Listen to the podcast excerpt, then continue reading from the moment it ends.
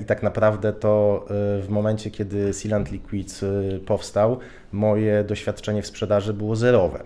Wiem, że to jest trywializm i tak naprawdę um, każdy o tym powtarza, ale to jest prawda, że jeżeli zadbasz o swój zespół, o swoją ekipę, to on zadba o Twój biznes, bo tylko głupcy uczą się na swoich błędach, mhm. a mądrzy uczą się na błędach czyichś. Skoro mamy dostęp do takich materiałów, to dlaczego z nich nie korzystać? Wcale nie trzeba być pierwszym w biznesie, bo wygrywa najlepszy, a nie pierwszy.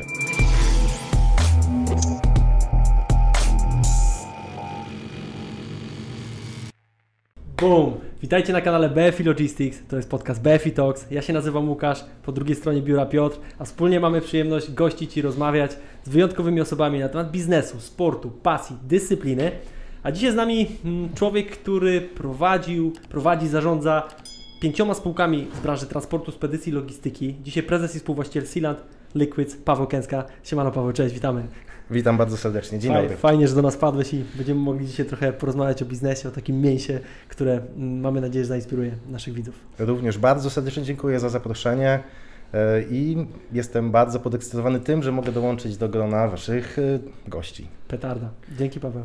Pawełku, słuchaj, e, każdy nas gość przekazuje wiedzę, chcemy staramy się jakby jak najwięcej merytoryki upchać w, w te nasze podcasty. Natomiast też E, trochę historii naszych gości jest e, czymś takim, taką odrobiną pikanterii albo też odrobiną uśmiechu dla, dla naszych widzów. E, opowiedz Sealant Liquids, historia jakby wejścia do tej spółki twoja wiąże się z historią. Możesz się podzielić? Jasne, oczywiście. No, Historia y, mojego wejścia do Sealant Liquids y, rozpoczęła się w, gdzieś w lesie y, na Podlasiu. Była ciemna noc i wiem, że brzmi to co najmniej śmiesznie, ale wspólnie ze swoim ówczesnym szefem, a obecnym przyjacielem i wspólnikiem Grzegorzem Chincem jechaliśmy do jednego z moich klientów E, I wtedy już e, Grzegorz miał pewne pomysły na temat e, wykorzystania fleksitanków i izotanków w transporcie morskim. Powiedz tylko Właśnie, fleksitanki. Dokładnie, wyjaśnij czym się zajmuje spółka. Słowach. Jakby spółka zajmuje się transportem wszelkiego rodzaju materiałów płynnych z użyciem takich trochę niekonwencjonalnych narzędzi, właśnie, między innymi którymi, którymi są fleksitanki. Fleksitank to najprościej mówiąc taki specjalny worek, który wkłada się do kontenera morskiego i wypełnia się płynem. Jest to jedna z najbardziej efektywnych y, w tej chwili narzędzi, jest to jedno z najbardziej efektywnych narzędzi e, właśnie do transportu y, chemii czy też y, materiałów spożywczych w kontenerach morskich. Izotanki to troszeczkę inne narzędzie, troszeczkę bardziej zaawansowane i droższe, aczkolwiek są to wszystko narzędzia, które do tego właśnie służą. No i właśnie wtedy Grzegorz miał już pewne pomysły, jak w Sealandzie Logistics, czyli naszej spółce matce, e, implementować takie, e, takie rozwiązania. Nie miał do końca na to pomysłu. E, no i jadąc właśnie w okolice Białego Stoku, nawigacja poprowadziła nas już, tak jak wtedy się śmialiśmy, drogami kategorii Z i w pewnym momencie skończył się asfalt, droga była bardzo długa ale dało nam to czas do tego, aby, aby porozmawiać. No i okazało się, że moja wiedza i wcześniejsze doświadczenie e, spisuje się w, tą, e, w ten cel, który mm, Grzegorz właśnie mm, e, ma. I to jest też trochę taka mm, historia o tym, że należy być przygotowanym na to przyjście tej szansy, bo ja twierdzę, że moje życie zmieniło się właśnie tej nocy, ale nie dlatego, że spadła mi gwiazdka, gwiazdka z nieba, a dlatego, że ja już wcześniej miałem przygotowaną strategię, miałem przygotowany plan, co chcę w życiu zrobić i, i był to tylko jeden z pomysłów, który po prostu wyciągnąłem z teczki e, spośród innych. E, myślę, że przekonało też e, to, że jestem pełen determinacji i, i przede wszystkim wiem, co chcę, co chcę zrobić. Okej, okay, no tak, wiadomo, y, byłeś przygotowany, dużo doświadczeń, tak jak Łukasz wspominał, e, kilka spółek, e, branża TSL od początku, no ale nie powiesz mi, że na tym jakby poprzestałeś. Powiedz mi, e, jakie nauki i co z tego doświadczenia obecnego, bo na pewno chyba ewoluowałeś jako menadżer, więc opowiedz nam trochę, co tak przychodzi Ci do głowy, jakie kompetencje zyskałeś przez te lata już jako zarządzający Sealant Liquids. Wiesz co, no takich kompetencji jest pewnie mnóstwo i też ja jako osoba bardzo się wraz z wzrostem spółki rozwijałem. Początki nigdy nie są proste i tutaj należy, zanim tak naprawdę każdy z nas zdecyduje się na to, aby prowadzić własną działalność, moim zdaniem trzeba to bardzo mocno policzyć i mocno zminimalizować każde ryzyko, które, które się właśnie z tym wiąże. Ja nie jestem fanem e, takich rozwiązań, czy też bardzo romantycznych koncepcji biznesowych, jak kawiarnia y, gdzieś y, w starej kamienicy, gdzie przychodzi z 10 stałych klientów i e, cały dzień czytają książki, pijąc kubek kawy, bo to tak naprawdę nigdy biznesowo się e, nie zepnie. Chwała każdemu, kto coś takiego robi i pewnie sam chętnie do takiej kawiarni bym przychodził, e, ale jednak efektywność biznesu opiera się dużo bardziej o kalkulacje i o to, że ten biznes trwa, a nie jest jednym powiedzmy z 90% tych biznesów, które nie, nie są w stanie przetrwać e, pierwszego roku. Okej, okay, Pawle, ale to w takim razie, co jest na takim pierwszym miejscu? Jak myślisz dzisiaj o biznesie, myślisz o swojej drodze jako przedsiębiorcy, prezesa, może wiesz, dla osób, które, które dzisiaj myślą o założeniu swojego biznesu albo gdzieś o drodze kariery w, w, w różnych firmach, nie tylko transportowych, bo Twoje doświadczenia są szerokie, natomiast co jest, co jest numerem jeden? Ja się, ja, ja się tylko muszę wtrącić, bo jak mówiłeś o tej kawiarni, e, wiesz, zmigrowałeś w kierunku biznesu, e, jakby takiego bardzo lokalnego, małego, natomiast e, nasza historia z Łukaszem biznesowa właśnie rozpoczęła się w takiej kawiarni i się bardzo uśmiecham, bo mówisz o tych liczbach, o tym, o tym że trzeba e, jakby ten biznes zmierzyć z każdej strony, czy on ma ręce i nogi, natomiast pamiętam jak dziś że z Łukaszem mieliśmy taką koncepcję bardzo taką, wiesz, chwiejną, zbiliśmy pionę, mówimy, jedziemy, nie? A budżet, kasa tego, no zobaczymy, jakoś to będzie, nie? I wiesz, no też takie pomysły się sprawdzają, wydaje mi się, wiadomo, to zależy od determinacji osoby, która biznes zakłada i wiesz, na co jesteś gotowy, ale wiesz, ten romantyzm, o którym mówiłeś, on jest spoko, nie? Z niego też czasami wychodzą duże, duże biznesy, nie? Y, nie można tego tak, wiesz, przekreślać. Absolutnie się z Tobą zgodzę, bo y, tutaj nawet y, miałem taki plan, aby wejść w polemikę mm, w to takie dbanie o detale. Pomimo tego, że ja miałem bardzo precyzyjny plan na to, jak Sealant Liquids miałoby wyglądać, to tak naprawdę z pier mojego pierwotnego planu zostało może jakieś 40%. I tak dużo? E, no, wydaje mi się, że tak, aczkolwiek na tamten moment liczyłem, że jeżeli spełni się 70, to to popłynie. Mhm. Tylko spełniło się dużo mniej i wtedy zaczyna grać rolę to, o czym mówisz, czyli determinacja e, właściciela, tego, ile w stanie jesteś poświęcić. I pierwszy rok czy pierwsze dwa lata każdej działalności to jest bardzo ciężka praca. I każdemu, z kim e, ja w tej chwili rozpoczynam biznes, każdemu swojemu wspólnikowi, Y, bardzo jasno określam, że pierwszy rok, pierwsze dwa lata to jest naprawdę ciężki kawałek chleba, ale po tym, kiedy już ten okręt zaczyna wypływać trochę na szersze wody, zaczyna łapać troszeczkę więcej wiatru w żagle, nie trzeba go tam tym wiosłem e, za każdym razem e, poganiać, to jest to naprawdę bardzo przyjemny sposób na spędzanie życia. E, I tak jak powiedziałem, z tego mojego pierwotnego planu wyszło dużo mniej, aniżeli się spodziewałem. I dlatego też ja bardzo zachęcam do tego, aby zacząć robić. Jeżeli Twój plan spina się powiedzmy tam na 80%, może nie tak jak w Waszym przypadku, e, że budżet, że niepoliczone, że po tak. prostu zbijamy plony i, pionę i lecimy, ja nie do końca jestem tego fanem. Mm -hmm. Wolałbym, y, aby jednak było to mm, trochę bardziej przeanalizowane. Być może aby pod, podpatrzeć konkurencję. To też przychodzi, wiesz, taką dojrzałością biznesową? To, to, to... Myślę, że tak, myślę, że tak. I to, to jest takie doświadczenie, które, które się nabiera. Wcale nie trzeba być pierwszym w biznesie, bo wygrywa najlepszy, a nie pierwszy. Tak jest. E, I tutaj warto jest czasem zaryzykować i nie myśleć aż tak bardzo nad ułożeniem tego planu w 100%, nie myśleć nad każdym detalem, bo to tak naprawdę mm, wa ważniejsze jest, aby zrobić ten pierwszy krok i potem korzystać ze swojego doświadczenia, wiedzy i determinacji, aby, te, aby to wszystko się spinało. I wbrew pozorom to, te, to również jest droga do tego, aby, aby ten sukces osiągnąć. To co z tym numerem UNO? Absolutnie tutaj katalogu biznesowym? E, po tym przy długim wstępie absolutnie numerem jeden są ludzie. Okay. I to tak naprawdę samo w sobie jest tematem rzeką, e, bo należy przede wszystkim wspomnieć o tym, że nie da się zbudować biznesu na bezludnej wyspie. Nawet jeżeli jest się jakimś programistą, e, który nawet zatrudni sobie menadżera i siedzi gdzieś w piwnicy dłubiąc kody, Mm, czy jest się takim, taką bardzo niecodzienną postacią jak Steve Jobs, e, to w końcu i tak musisz spotkać się ze swoimi pracownikami, musisz spotkać się ze swoimi klientami, musisz spotkać się i umieć sobie radzić z podwykonawcami, czy jak często się to zdarza, z urzędnikami.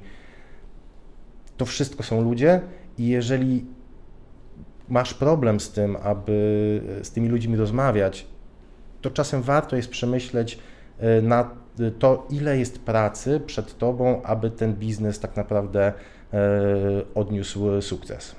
A myślisz, że to jest jakby kompetencja taka wynikająca z Twojego charakteru, wiesz, ekspresji, czy tego, czy jesteś introwertykiem, czy ekstrawertykiem, czy to jest rzecz do nauki? Bo Chyba historii jest sporo takich, które też pokazują tą ewolucję, gdzie ludzie, tak jak mówisz, yy, będący informatykiem w piwnicy, yy, osiągają wielki sukces i ta skala ich kontaktów biznesowych e, w różnorakich konfiguracjach jest no, niesamowicie wielka, nie? Oczywiście, że tak. No, ja sam, sam jestem bardzo introwertyczny i tak naprawdę to w momencie, kiedy Sealant Liquids powstał, moje doświadczenie w sprzedaży było zerowe. poczekaj, poczekaj, bo e, jako introwertyk e, no, jesteś świetnym przykładem, że te kompetencje da się nabyć. E, rozmawiania, przebywania z ludźmi, robienia biznesu, słuchania ich, bo to jest bardzo istotne.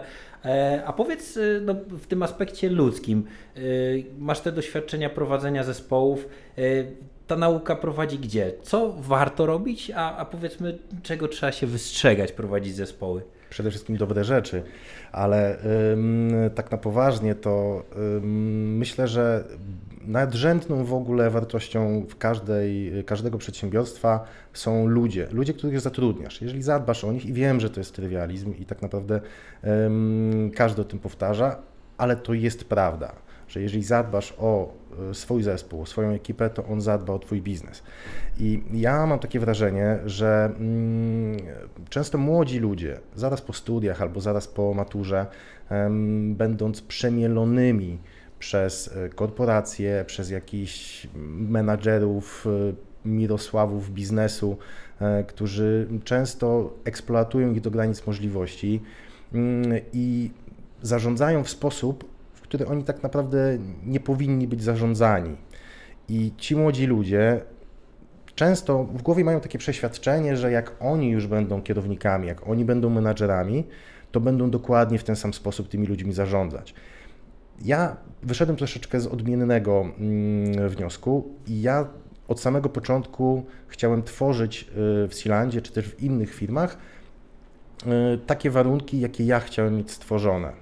Chciałem zarządzać swoim zespołem w taki sposób, jak jeszcze ja wcześniej y, chciałem mieć zarządzany. W polskich, może to się też teraz bardzo zmienia, ale y, często w polskich przedsiębiorstwach y, wielu informacji nie przekazuje się pracownikowi. Jest ciągła niepewność tego, w, którym, w którą stronę tak naprawdę idzie Twoje stanowisko, jaki jest plan na Twoją osobę, czego się możesz spodziewać w kolejnym roku, co tak naprawdę jest od Ciebie wymagane i ja w momencie, kiedy tą szansę dostałem i kiedy mm, ten zespół było mi dane budować, na tym właśnie chciałem e, zbudować e, cały przekaz i całe zarządzanie. I tak jak w jednej z moich ulubionych książek e, Jednominutowy menadżer, mm, bardzo fajnie ujęty jest ten sposób jasnego przedstawiania swoich oczekiwań. I myślę, że tego bardzo brakuje czy menadżerom, czy tego brakuje po prostu w polskich firmach, aby jasno formułować to, czego wymaga się od ludzi, czego wymaga się od pracowników i co tak naprawdę, jaka nagroda czeka ich, y, kiedy te oczekiwania są spełnione. Tutaj bardzo też istotna kwestia, bo mm, trochę y, myślę, że warto o tym powiedzieć. Książek różnego rodzaju jest bardzo dużo, ale ja y, trochę tak przestrzegam przed tym, żeby mm, łykać je w całości i w całości implementować y, do, e, do swojego życia. Jednominutowy menadżer jest właśnie tego najlepszym przykładem, bo jak pewnie sami kojarzycie, bo widzę po uśmiechach e, tą książkę, no to tamten ten tytułowy menadżer y, tak naprawdę ograniczał się do tylko zarządzania, wyznaczania celi, celów, y, ale przez to, y, że on ograniczał się tylko do tego, tak naprawdę wytrącał sobie z rąk najważniejsze, najważniejsze narzędzie do zarządzania, jakim jest zarządzanie przez przykład. I ja uważam, że przy każdej książce my musimy, czy też każda młoda osoba, która by chciała która wchodzi w świat pracy y, i biznesu, daj Boże, y, żeby każdą książkę troszkę przepuścić przez swoje sito i wyciągnąć. Książki też trzeba się nauczyć czytać, nie? Ja na przykład długi czas mi zajęło, żeby się oduczyć czytania książki od deski do deski każdej, jakby już e, wchodząc nie tylko w strukturę merytoryczną tej książki, ale też i to, w jaki sposób jest napisana i się męczyłem przez miesiące. Jakby dużo mnie kosztowało, żeby się tego oduczyć, żeby właśnie czerpać tą esencję i tak jak mówisz, przepuszczać się przez sito, ale to też jakby tych książek trzeba przeczytać trochę, żeby zobaczyć, że, bo wiesz, jak przeczytasz pierwszą z teorią, która gdzieś tam ci podpasowuje do tego, co widzisz, kurde, odkryłem Amerykę, nie? Teraz wiem, co robić, nie? I nagle Dokładnie się okazuje, tak. że w drugiej książce jest podobnie, ale tam możesz jeszcze jakiś niuans dorzucić, nie? Natomiast jak się chwycisz kurczowo jednej metody, to to może być faktycznie zgubne, nie? Ja myślę, że tak książki, jak i internet, y, podcasty i ogrom wiedzy, do których tak naprawdę mamy w tej chwili mm, dostęp, y, jest wspaniały, ale niesie się niestety za tym też pewne niebezpieczeństwo, e, tak jak powiedziałeś, brania wszystkiego w całości. Mhm. E, I nie wszystko do nas pasuje. Nie każdy jest e, taki sam. I nawet te metody zarządzania ludźmi musimy dopasować do własnych talentów, do własnego sposobu bycia, a także, tak jak tutaj wcześniej też e, wspomnieliście, do ludzi, z którymi pracujemy. I mm, ja, może, może nie jest to nasz y, taki korowy y, sposób, czy też korowa wiedza, ale ba, jestem wielkim fanem testów y, talentów Galupa. Mhm. I mi wyszło, że ja ich nie mam. Możesz opowiedzieć, czym jest tak. test Galupa? Test Galupa jest takim testem psychologicznym, składającym się z iluś pytań, teraz dokładnie już nie pamiętam, bardzo skrzętnie przygotowanych, tu, na końcu którego tego testu E, każdy z uczestników otrzymuje wynik w postaci najsilniejszych stron. I są tam takie rzeczy jak e, strategia, analityczne myślenie, e, empatia, czar. Tych talentów jest całe mnóstwo i te testy wskazują te, które dane jednost... na te talenty, które dana jednostka ma najsilniejsze. Mm, to bardzo pomaga w tym, jak tymi ludźmi potem można zarządzać, bo jeżeli E, danej osobie na początku wy, wychodzi strateg, analityk, e, osoba raczej introwertyczna, e, to też menadżerowi takiemu jak ja dużo łatwiej jest potem dopierać sposób komunikacji. Często... I zadania. No. I zadania również. I też jakby co, co śmieszne, to mm, w moim teście E, nie było ani strategii, ani analiz, ani tego typu rzeczy, e, a jako pierwsze i główne e, na szczycie było wyznaczanie celi, celów i optymalizacja. Optymalizacja głównie zespołów i dobieranie odpowiednich osób, które w pozorny, na pozór nie powinny ze sobą współpracować. Okay. I to, o czym powiedziałeś, to jest bardzo istotne aby też te zespoły budować z różnych elementów. To nie mogą być tylko analitycy, to nie mogą być tylko strategzy. Mm, musi też być w, zes w zespole ktoś, kto to będzie spajał, ktoś, kto będzie e, miał odrobinę empatii. To są takie niuanse, które, które trzeba brać pod uwagę. To jest tylko powiem, bo mamy też z Łukaszem ciekawe doświadczenia w e, tym obszarze, też korzystaliśmy z tych testów i co ciekawe mieliśmy oczywiście zbiór własnych doświadczeń, takich empirycznych, emocjonalnych, związanych z, z częścią składu i dużo się potwierdziło. Jakby da się to, że tak powiem, zrobić by heart. E, mhm. Oczywiście można to testem potwierdzić, natomiast to jest jakby chyba jakby do komunikacji, o której mówiłeś wcześniej, czyli mhm. feedback, cele, e, jasne zasady gry, które określasz, gdzie jakby pracownik wie, w którą stronę idzie, to z drugiej strony jako zarządzający szukanie tej ścieżki, w której on się odnajdzie i też jakby skupianie się na jego najlepszych cechach a nie na tych takich gorszych, bo wiadomo, każdy z nas ma cechy lepsze i gorsze. E, I to super, bo jakby jeżeli się na tym skupisz i znajdziesz tą drogę, to te, te gorsze one giną, jakby w natłoku mhm. tego dobrze wykonywanego planu, który jakby odzwierciedla kompetencje tego pracownika, nie? E, I to jest super, co mówisz. Absolutnie się z tym zgadzam i mm, myślę, że też w tych zespołach, które mi jest dane budować, bardzo często tak jest, że są osoby, którym lepiej pasuje sprzedaż, osoby bardziej empatyczne, z większą inteligencją emocjonalną. Są też e, tacy, którzy lepiej radę dają sobie z dłubaniem, dochodzeniem pewnych rzeczy. To jest bardzo istotne, żeby każdemu, każdej z tych osób znaleźć miejsce. A po tym wszystkim przychodzi też czas na to, żeby z taką osobą porozmawiać, bo E, to też jest taka dosyć śmieszna historia jednego mm, z moich e, kolegów, pracowników. Mm, ja oczywiście zachłyśnięty e, tutaj wiedzą w tym akurat przypadku Briana Tracy, który z jednej z swoich książek ułożył taką gradację pochwał, pochwał pracowników. No i oczywiście, jeżeli każda, jeżeli pochwała indywidualna będzie miała najniższą wartość, jakość, taki, taką moc stawczą, potem pochwała gdzieś na forum będzie miała większą. No i ja, chcąc docenić tego pracownika, y, wielokrotnie tutaj chwaliłem go y, przy wszystkich i y, na forum. Po tych testach Galupa, kiedy tak naprawdę one troszeczkę tak determinują taką rozmowę, mieliśmy taki punkt szczerości, i, I, właśnie y, tenże kolega mówi do mnie, Paweł, wiesz co, jeżeli mam być z tobą szczery, nie, nie chwal mnie przy wszystkich, bo ja nie tego nienawidzę, nie?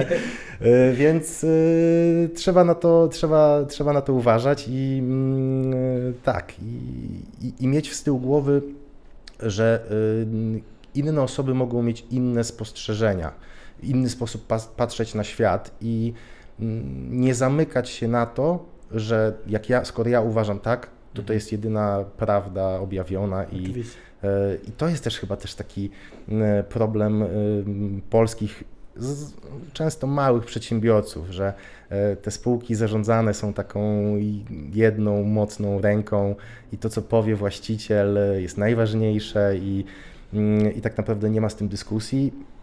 Nie uważam, że jest to, że jest to droga właściwa. Często takie przedsięwzięcia y, odnoszą sukces, ale o ile lepsze y, byłyby efekty takich działań, gdyby mm, taki autorytarny szef mógł, potrafił zrobić krok do tyłu, i otworzył się troszeczkę bardziej na y, jakieś takie komentarze zewnętrzne. No jak nawet kilkadziesiąt głów myśli razem, nie? Jaka to jest moc taka przerobowa powiem, nie? A nie jak jedna głowa wszystko musi wymyśleć. Ale to w organizację no. tworzą ludzie, jakby to, to, tak. to, my w grupie jesteśmy silni, jakby pojedynczo często jednostki są jakby słabe po prostu, nie? I w świecie konkurencji tutaj jakby pewnego przesytu różnych branż gdzieś gdzieś jakby tego, tego wyścigu, no jednak zawsze w grupie, zawsze w, ekipie mocnej, no zyskujemy. To tak w każdym, w każdym obszarze życia prywatnego również. Absolutnie tak, tym niemniej e, no zawsze na końcu musi być e, ktoś, kto tą e, po zebraniu wszystkich informacji tą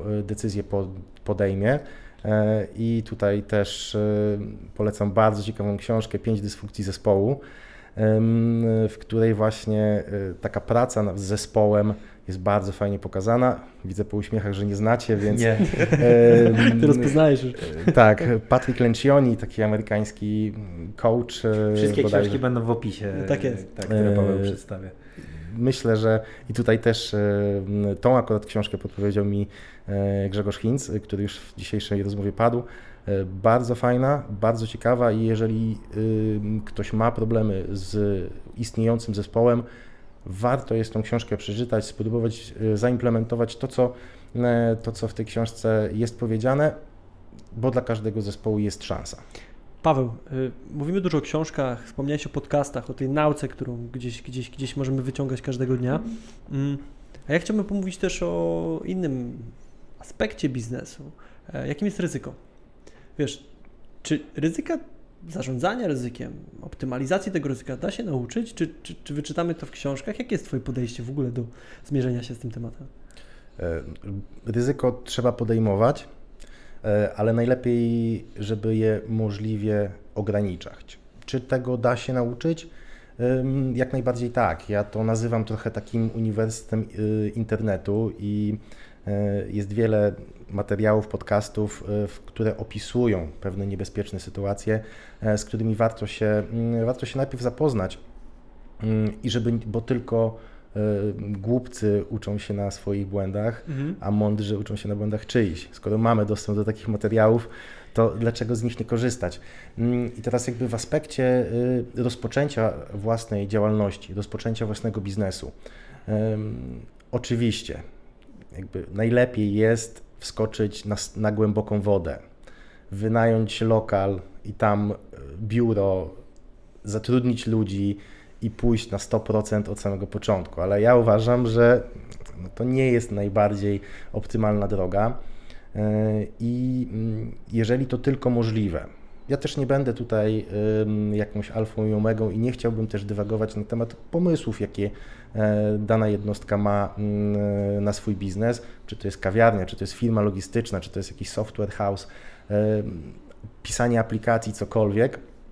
Ten temat e, zupełnie nie jest mój ale aby mm, możliwie ograniczyć ryzyko wiążące się z rozpoczęciem takiego, e, takiego projektu, warto jest zrobić krok do tyłu. Jeżeli pracujemy już na etacie, poświęcić 2-3 godziny tego ekstra czasu y, na to, aby rozwijać biznes, mając taką poduszkę bezpieczeństwa. Jeżeli tak naprawdę nie jesteś w stanie poświęcić tych dwóch godzin, to wiem z własnego doświadczenia, że, że nie będziesz w stanie udźwignąć tego biznesu, kiedy już tak naprawdę wskoczysz w niego na 100%, bo jak pewnie sami się zgodzicie, e, przez pierwszy rok czy dwa e, lata prowadzenia biznesu to nie jest 6 godzin. To nie jest. Niektórzy mówią, przez 10 lat nie jest to 6 godzin. No ja uważam, że ja uważam, że jednak optym, e, optymalizując i trochę tak zdroworozsądkowo do tego podchodząc, dbając też o procesy, które w swoim przedsiębiorstwie wprowadzasz, myślę, że tak po dwóch, trzech latach ten statek zaczyna troszeczkę łapać wiatr w żagle i, e, i jest ten moment e, na oddech. Pierwszy urlop. No, na przykład. Właśnie dzisiaj też o tym rozmawialiśmy. E, I tutaj też bardzo ciekawa książka a propos procesów mit przedsiębiorczości. Autora niestety sobie nie przypomnę, w której to autor, Gerber bodajże się nazywa, mhm. Michael Gerber, kładzie duży nacisk na to, aby od samego początku układać procesy w taki sposób, aby kiedy ten biznes będzie się skalował, kiedy przedsiębiorstwo będzie rosnąć, y, żebyś już wtedy był gotowy na to, żeby obsługiwać tą większą no, ilość klientów. Od samego początku zachęca też do tego, aby od samego początku ułożyć sobie taki jasny diagram tego każdego stanowiska podzielić sobie na członków zarządu, dyrektora sprzedaży, e, dyrektora sprzedaży i marketingu, dyrektora operacyjnego, e, dyrektora do spraw administracji, potem każdy z poszczególnych e, stanowisk poniżej. I jeżeli nawet jest tak, że na samym początku to ty obsadzasz te wszystkie stanowiska, ale układasz, układasz procesy w ten sposób, aby wraz ze wzrostem i ze wzrostem przedsiębiorstwa móc łatwo wydzielić że teraz potrzebujesz powiedzmy kogoś do administracji i ewentualne osoby pod, potrzebujesz kogoś na to stanowisko, patrzysz na diagram, patrzysz na procesy, które e, w Twojej e, spółce są poukładane i wiesz mniej więcej, które to miejsce. To jest, to, to jest, to jest super. Mm, natomiast no, dodałbym może trochę odrobinę z własnych doświadczeń, w sensie naszych z Łukaszem, wiesz, e, to ponoszenie ryzyka i trochę wejście w taki świat nieznany, i popełnianie błędów przede mhm. wszystkim, nie?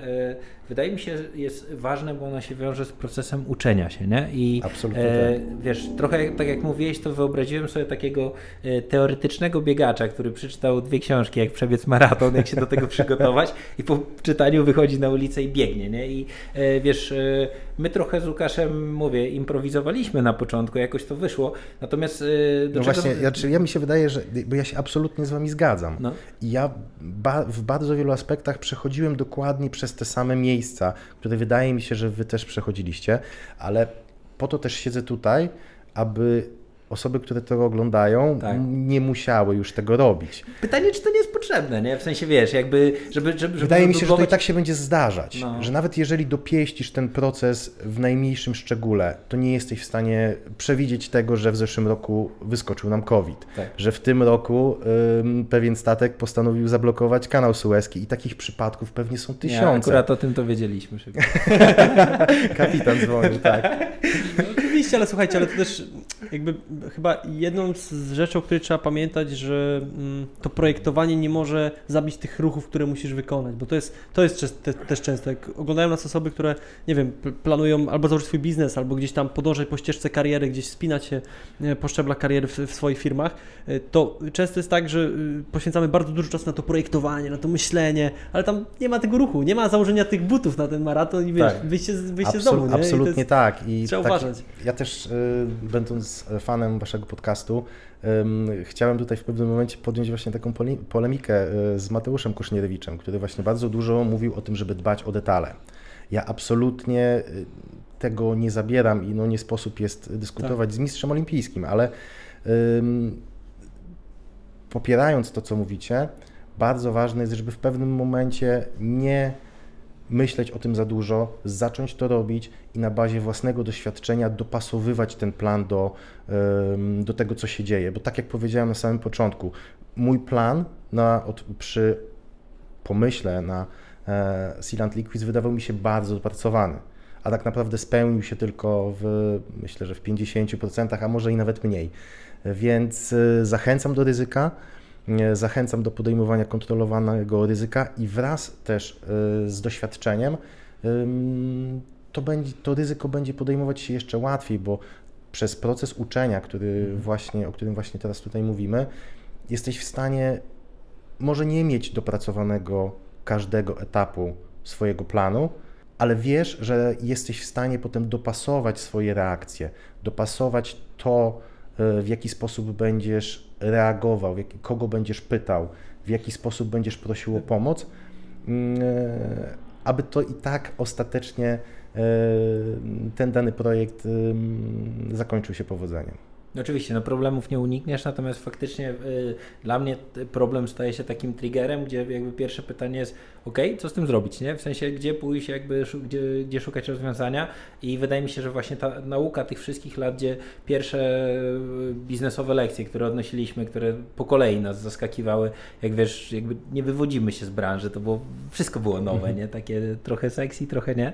Eee, i przez to właśnie ile razy jakby i ten, ten moment jakby, gdzie przechodzimy już ok, trzeba coś z tym zrobić, zastanówmy się jakie są rozwiązania. Najpierw to trwało, wiesz, dobę, a teraz to jest po sekundzie, nie? Jakby odruch, więc, więc e, świetna, naprawdę chyba taka praktyczna droga, nie? Żeby tych błędów mimo wszystko trochę było, nie? One cię budują, nie? Najbardziej z, z, tego wszystkiego. To też jest taka lekcja, którą ja nabyłem podczas tych y, wszystkich lat, aby w trakcie, kiedy problem mniejszy lub większy się pojawia, skupiać się na problemie, a nie na lamentowaniu o wola Boga, co to się właśnie teraz stało. Nie? I y, to jest myślę, że bardzo istotne, żeby, bo bardzo często w naszych naturalnych y, odruchach skupiamy się na piętnowaniu być może siebie samego za popełnienie błędu, mhm. być może co gorsza, któregoś z pracowników za to, że ten błąd został popełniony, a tak naprawdę to w tym danym momencie, tak naprawdę najważniejsze mm, są te pierwsze minuty, mm. kiedy coś się wydarza. E, I jako my jako, mena, dla, dla, jako dla Ciebie, jako menadżera, to jest niezwykle istotne, bo mm, to, jaki charakter w tej sytuacji mm, pokażesz, to nie tylko robi Twój PR zewnętrzny, rozwijasz swój, y, to jak reagujesz do klientów, ale przede wszystkim to, jaką osobą stajesz się wśród Twoich pracowników i myślę, że to jest najważniejsze. Budujesz bezpieczeństwo, nie i zaufanie. No. Tak, tak, bo jakby to też, y, nie wiem czy to nie padło też u Was, y, bardzo istotnym jest to, aby każdy z Twoich pracowników mógł, czuł to bezpieczeństwo, aby do Ciebie móc przyjść z każdym problemem. Dokładnie. I to jest też niezwykle zabawne, bo mm, w każdej przedsięwzięciu, które, którego ja się tak naprawdę dotykam i które tworzę, mm, szczerość y, z moimi współpracownikami, z moimi pracownikami, kolegami y, jest na bardzo, bardzo wysokim poziomie y, i taka otwartość do granic. Nawet mam taką anegdotę, że jeden z moich kolegów jakiś czas temu przychodzi do pracy, jakieś, jakieś dwie godziny spóźniony. Ja się pytam, co się stało. A tutaj pada taka luźna odpowiedź, no wiesz Paweł, kota musiałem ogarnąć, nie? Ja robię takie szerokie oczy i tak sobie myślę, Marcin, to ty mnie kłam już, nie? Jeżeli masz mi, masz mi mówić takie rzeczy, to oczywiście pół żartem, pół serio, bo ja mam w takich sytuacjach pewność, że kiedy stanie się coś niedobrego, albo kiedy dana osoba będzie czuła się niekomfortowo, ja mam podejrzenie graniczące z pewnością, że, on, że ten dany człowiek, czy każdy inny członek z tego zespołu, on też do mnie z tym przyjdzie i powie do mnie otwarcie, to i to jest nie tak, to i to powinniśmy poprawić. Super. No, super. dokładnie. Y, Paweł, y, płyniemy trochę po tej sferze mentalnej. Mm, ona dla nas jest również w życiach prywatnych i zawodowych bardzo ważna. Y, wiem też, że prywatnie jesteś fanem pewnej z technik, może bardziej koncepcji dotyczącej pięciu zwycięstw dziennych, e, stworzonej przez Andiego Friselle, przełożonego przez Rafała Mazura. Mm, no to jest y, dla nas coś y, fenomenalnego, co, co, co polecamy na każdym kroku. Mnie zaraził tym Piotr i, i od tego czasu, jakby od kilku lat, staram się też to szerzyć, gdzie mogę. Słuchaj, opowiedz trochę, jak to wpłynęło na Ciebie i na Twoje biznesy. To znaczy, yy, absolutnie. Jakby okay. jestem wielkim fanem Rafała Mazura i tego Andiego Frizelli również. Mm, w pewnym momencie, kiedy ta determinacja lekko spada, e, to potrzebne są narzędzia do tego, aby tą skuteczność utrzymać na wysokim poziomie i myślę, że e, ta strategia pięciu zwycięstw dziennie doskonale się w to wpisuje.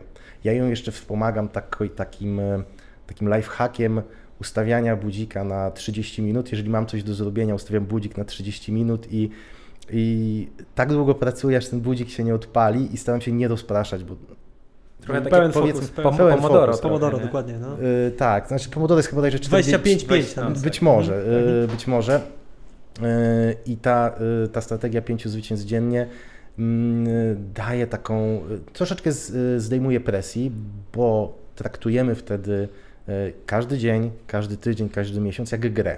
Dokładnie, a opowiedz tylko na czym ona polega tak po już, żeby już tłumaczę. E, polega ona na e, każdego dnia, czy e, wieczorem przed, czy też każdego poranka spisujemy na kartce, bardzo ważnym jest, żeby spisać to odręcznie, pięć, pięć takich wyzwań, które miałoby, które, które mamy do zrealizowania tego dnia. Tutaj Rafał Mazur mówi też o trzech stanach: stan ducha, stan ciała i stan konta. Tak I dobrze jest, jeżeli e, w tych pięciu, mm, w tych pięciu wyzwaniach mm, znalazło się, znalazło się miejsce na każde, każde z, tych, z każdy z tych stanów. I teraz, jeżeli na końcu dnia udało nam się zrealizować tych pięć wyzwań, tych pięć celów, które, które sobie wyznaliśmy, to ty wygrywasz ten dzień.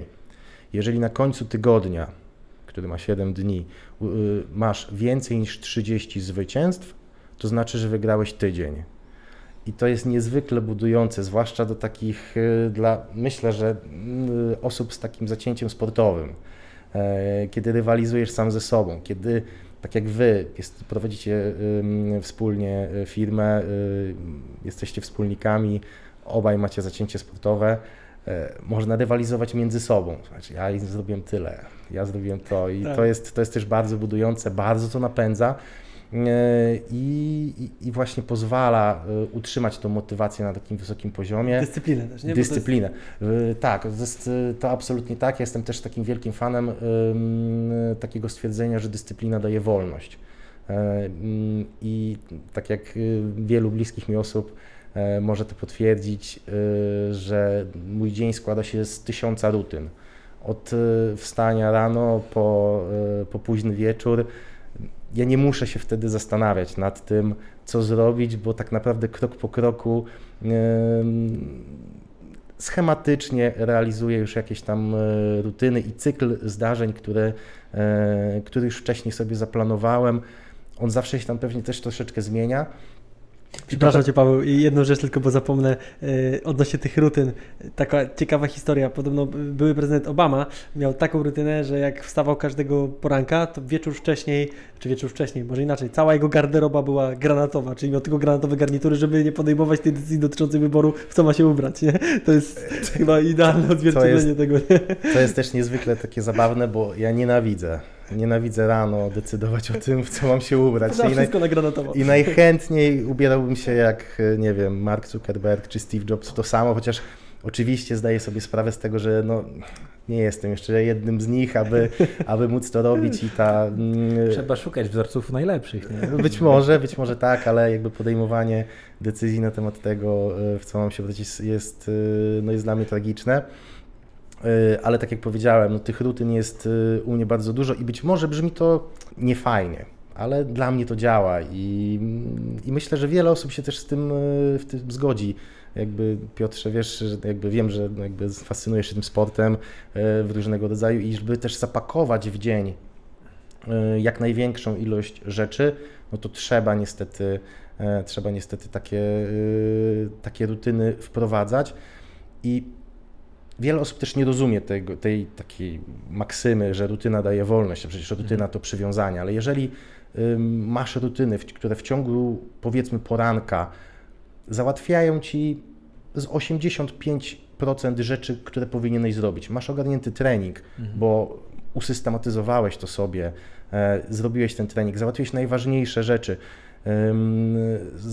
Potem idziesz do pracy w ciągu powiedzmy tam usystematyzowanego dnia, w ciągu 4 godzin y, załatwiasz te najważniejsze, takie schematyczne, administracyjne e, rzeczy, to ile czasu nam zostaje na troszeczkę więcej luzu, tak. na być może spędzenie czasu z rodziną, być może poświęcenie się jakiejś pasji. I ja przez to właśnie staram się, czy też przez te pięć zwycięstw, które utrzymują E, wysoki poziom motywacji, czy też przez rutyny, które e, w ciągu dnia e, nawet nie wprowadzam, one po prostu tam są. To daje dużo, dużo, dużo wolności. No tak, tak czy siak człowiek może nawet oddałbym brak świadomości bardziej niż jakby niechęć do rutyn, bo my i tak i tak y, codziennie Pytanie, jakie to są rutyny, czy to są pozytywne, dzień, czy negatywne. Pod, tak, wiadomo, są lepsze, gorsze, natomiast i tak i tak już jakby jesteśmy w tym świecie, nie? Więc jakby nagle trzeba zyskać świadomość, zobaczyć, ok, to jest dobre, kontynuuję, to trzeba zmienić, a tu trzeba coś dodać, nie? I wtedy jakby pojawia się wolność, bo wolność to też jest wybór i w takim dniu ty decydujesz, co się dzieje, a nie jakby dzień zarządza tobą, nie? Że co chwilę coś cię zaskakuje, nie byłeś na to przygotowany tak jak mówisz, nie? No wiadomo, planując też się to może wydarzyć, ale oczywiście, oczywiście. w to też stopniu. Często można, e, myślę, że łatwo można to zobrazować też takim kontrolowaniem własnych finansów. Jeżeli kontrolujesz to, na co wydajesz i potem coś ci z tego zostaje, to możesz tymi środkami dysponować w dowolny sposób. Jeżeli tak naprawdę roztrwaniasz to, co zarabiasz, ile by tego nie było, e, na pierdoły, tracisz pieniądze w miejscach, w których tak naprawdę tracić ich byś nie musiał, to zawsze będziesz marudził, że tych pieniędzy nie masz. Tak, ale jakby Ed Milet, y, którego pewnie też kojarzysz. Nie, akurat. Nie kojarzysz? Okej, okay, to, to jest gość od, od, od Ediego Friselli, oni tam dosyć mocno razem działają. On jakby dwie rzeczy takie, które mi się nasuwają słuchając Ciebie. Jedna to jest to, mm, jak mówisz o tych rutynach, on wspomina o tym właśnie, że on dzieląc sobie ten dzień na y, kilka sekcji jest w stanie zrobić tak naprawdę w jeden dzień cztery dni. Nie? Dokładnie, jakby dokładnie Tyle tak. tych czynności wykonuje. E, I to jest to jest. Yy... Oczywiście też to, nie, ma, nie ma co być robotem, bo yy, ja też przez ten, yy, na tym dystansie y, pięciu czy ośmiu ostatnich lat nauczyłem się, że potrzebne są też takie dni, w których po prostu dajesz na luz. E, kiedy słuchasz swojego organizmu i wiesz, że to nie jest ten dzień, albo e, no, dzisiaj po prostu za wiele nie zrobisz. Tak. to też jest robisz- kompetencja. tak, bo y, to był mój chyba największy problem na samym początku, y, że y, no, ta eksploatacja organizmu była tak duża, y, że doprowadzało to do takich momentów, kiedy po prostu organizm zaczął się blokować, e, kiedy dochodziło do jakichś dziwnych infekcji, chorób grypowych, niegrypowych, y, a to tylko i wyłącznie była jakby taki e, taki układ e, ochronny e, mojego ciała na to, żeby, żeby troszeczkę zwolnić. Na początku, kiedy się spostrzegłem, że tak faktycznie się, dzieli, to się dzieje, to się jeszcze bardziej dojeżdżałem, no ale Mhm. teraz już zaczynam się reflektować i, e, i w istocie tutaj dbać o to, żeby, mm, żeby ten balans utrzymywać, bo e, chyba dla wszystkich tych przedsięwzięć to bardzo istotne jest to, żebym ja w tej formie jednak był. E, Nie mówię, że one nie będą funkcjonować beze mnie, ale jednak wartość, która, która tam jednak za tym chociażby doświadczeniem płynie, jest e, dla wszystkich dosyć istotna. Oczywiście. No przez cały wywiad przewija mi się trochę jakby ta eksploatacja jakby siebie, zasobów, ty mówisz o e, tym balansie e, i też jak wspominałeś, e, wiesz, wydaje mi się, że menadżer też musi dobrze stawiać cele własne, żeby nie przedobrzyć. Mówiliśmy o tym, że po dwóch, trzech latach jesteś w stanie dojść do jakiegoś takiego powiedzmy ładu, że organizacja trochę już pracuje na ciebie i na te twoje efekty. Natomiast też widzimy, że częstą pułapką chyba jest ten element, o którym teraz powiedziałeś, czyli może mm, powiem, nadmierna ambicja powoduje, że nie wychwytujesz tego momentu i lecisz jeszcze bardziej. To jest bardzo zgubne i to trzeba szybko wychwycić, właśnie, żeby nie dojść do tego momentu przesilenia, o którym wspomniałeś. Absolutnie tak. Yy, No tutaj to jest myślę, że taki aspekt tego wszystkiego, który jest bardzo pomijany we wszystkich materiałach i e, czy w internecie, czy o tym czyta się najmniej. Yy, I też przez to młodzi przedsiębiorcy, czy też młodzi ludzie go po prostu nie zauważają, bo nikt im tak naprawdę nie zwrócił na niego e, uwagi. Ja wydaje mi się, że jestem już e, na tym etapie, aby po pierwsze starać się zwracać na, tą, na to uwagę w mojej osobie, ale też wśród moich, e, wśród moich pracowników, Mm, bo myślę, że rola menadżera to przede wszystkim e, dbanie o siebie, ale też dbanie o to, jak, jak zachowuje się zespół. I w, też w moich zespołach są osoby, które tak jak ja jeszcze 10, e, 10 lat temu e, bardzo chciałem, byłem e, mega ambitny i często doprowadzało to do sytuacji, w których które były sytuacjami trochę bez wyjścia i, mm, i wiązało się też, też, to też z wieloma moimi błędami. Tak ja w tym przypadku, kiedy jestem już troszeczkę bardziej doświadczony, staram się zwracać uwagę na to, żeby te osoby, które mają takie tendencje, nie brały zbyt wiele e, pracy, bo to może się potem obrócić przeciwko e, tej danej jednostce, że chcesz tak bardzo, myślisz, że to wiecznie będzie, że, że ktoś od ciebie tego wymaga i będzie to w nieskończoność doceniane, a tak naprawdę to już i tak twoje notowania są na tyle wysokie, e, że teraz błąd, który ewentualnie popełnisz w wyniku takiego mm, wzięcia na siebie zbyt dużej odpowiedzialności, zbyt dużej ilości pracy, no, może ci tą całą pracę zniweczyć i, i na to trzeba uważać i myślę, że to też jest taki aspekt, na który często pracodawcy czy menadżerowie nie zwracają uwagi, bo fajnie jest mieć konia, który tam ciągnie i, i haruje za czterech. Nie? Tak, ja się właśnie uśmiechnąłem, bo my, my bardzo wiele czasu poświęcamy właśnie rozmowie na temat tego, mm, gdzie jest ten pewien balans, y, bo, bo, bo my w sobie go szukamy,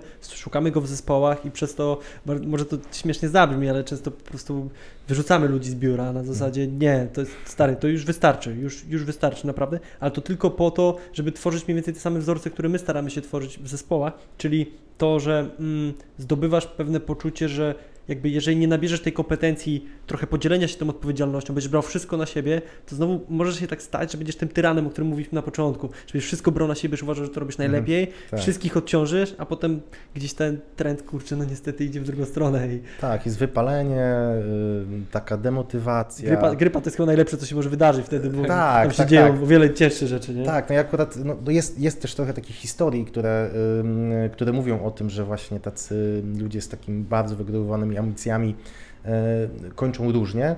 No, w moim przypadku aż tak źle nie było, ale y, no, też nie chciałbym, żeby spotkało to kogokolwiek e, z mojej ekipy.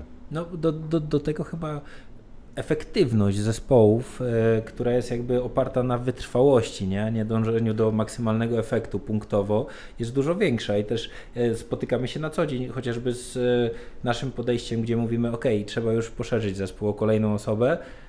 Zespół tak na nas patrzy. No dobra. I wiesz, że wyczucie momentu jakby przed tą eskalacją ilości zadań na stanowisku, gdzie dokładasz jakby punktowo kolejny zasób do zespołu Mm. i to pozwala Ci na ekspansję, na kolejny rynek, czy nawet na, wiesz, większą współpracę z obecnymi klientami, jest newralgiczny, nie? Żeby dosłownie nikt w zespole się nie zajechał, nie? Bo wiesz, każdy ma jakieś własne ambicje, każdy ma swoje cele, natomiast y, jako mentor, czy osoba, która, wiesz, jakby tak jak mówisz, dzieli się większym doświadczeniem zdobytym, musisz w tym momencie pomagać, nie? Słuchaj, okej, A teraz to jest, potrzebny inny ruch. Tak, a to jest ciężkie. bardzo niecodzienne, jeżeli chodzi o e, polskie firmy i polskich e, przedsiębiorców. Miejmy nadzieję, że e, będzie się to z czasem zmieniać. Paweł, dokąd biznesowo zmierzasz? Co tak naprawdę to jest ym, ciężko powiedzieć. Ym, Ja co prawda z każdym rokiem stawiam sobie przed sobą cele, bo uważam, że to jest bardzo, bardzo ważne, bo taka nawet potęga podświadomości e, często pomaga. E, Ja też często namawiam. Przepraszam. Potęga posiadam, żeby nie było. Kolejna pozycja będzie w opisie. E, Tak, i może dla wielu osób to brzmi, brzmi śmiesznie, ale ja ostatnio robiłem porządki w swoich szufladach i jeszcze rok, dwa lata temu miałem y, na ścianach swojej sypialni powypisywane y, cele dotyczące bodajże 2019 roku. Wow. Y, I tak patrzyłem na to, co udało się zrobić, i pamiętam dokładnie, że jakby kiedy te cele pisałem, to wiele z nich było jeszcze tak mocno na siłę, jakby, czy dotyczących przychodów danych spółek, y, czy ilości klientów, czy marży jakiejś tam miesięcznej. Pamiętam, kiedy to pisałem, myślę sobie, no tutaj musimy dopisać inne plus, powiedzmy tam 10%, którego mi brakowało. Y, I patrząc teraz wstecz, y, no to y, każdy, każdy z tych celi praktycznie udał się, mm, udało się zrealizować, być może nie tymi danymi i nie tymi klientami i niedokładnie w taki sposób, jak ja sobie to na tej kartce zapisałem, mm, ale liczby bardzo często były mocno zaskakujące. I dlatego ja też namawiam do tego, aby te cele, które sobie stawiamy, były takie troszeczkę bardziej odważne, bo często nawet nie zdajemy sobie sprawy, skąd przychodzi do nas biznes, skąd przychodzi do nas pomoc. Mm, I tak jak teraz pytasz mnie, którym, do którego miejsca zmierzam, ja nie mam jakichś ambicji y, korporacyjnych. Wolałbym, żeby wszystkie projekty, w które jestem zaangażowany, były takim, takimi grupami ludzi, którym się chce e, i w których, którzy, którym się chce i z którymi dobrze się współpracuje. Tak wewnętrznie poszczególnym e, moim kolegom, jak i klientom. E, Tak jak powiedziałem, nie mam ambicji, żeby to były jakieś wielkie firmy, a bardziej wyspecjalizowane narzędzia do tego, e, do pomocy i do, do budowania takiej wartości dodanej. Myślę, że to byłby taki. Petarda. E, tak bym to ujął. Super, super. To co, tego Ci życzymy i balansu w życiu. tak, No, to Jak zdecydowanie. najwięcej. Tak, to, to nad tym trzeba jeszcze troszeczkę popracować, ale przynajmniej jestem tego świadom. Mogę przestać, kiedy będę chciał. Pięknie. Pawle, bardzo Ci dziękujemy, że dzisiaj tu poświęciłeś nam chwilę. Również bardzo, bardzo serdecznie dziękuję. Przemiły czas. Mega, naprawdę takie czuję, że mamy zajebisty przekaz. Taka czysta merytoryka, mięso biznesowe, ale w ujęciu ludzkim, w ujęciu takim, że trzeba robić to tak, żeby czuć się z tym dobrze, żeby budować coś wartościowego, więc wielkie dzięki, naprawdę czapki z głów za, za to, co tworzysz, co tworzycie mm, w Waszych organizacjach. I co? Tymczasem zapraszamy Was do subskrybowania kliknijcie tą łapkę w górę, polubcie, wróćcie w komentarzu, co myślicie o mm, takich spotkaniach i zapraszamy na kolejne. Cześć, trzymajcie się. Bye. Dzięki i do zobaczenia.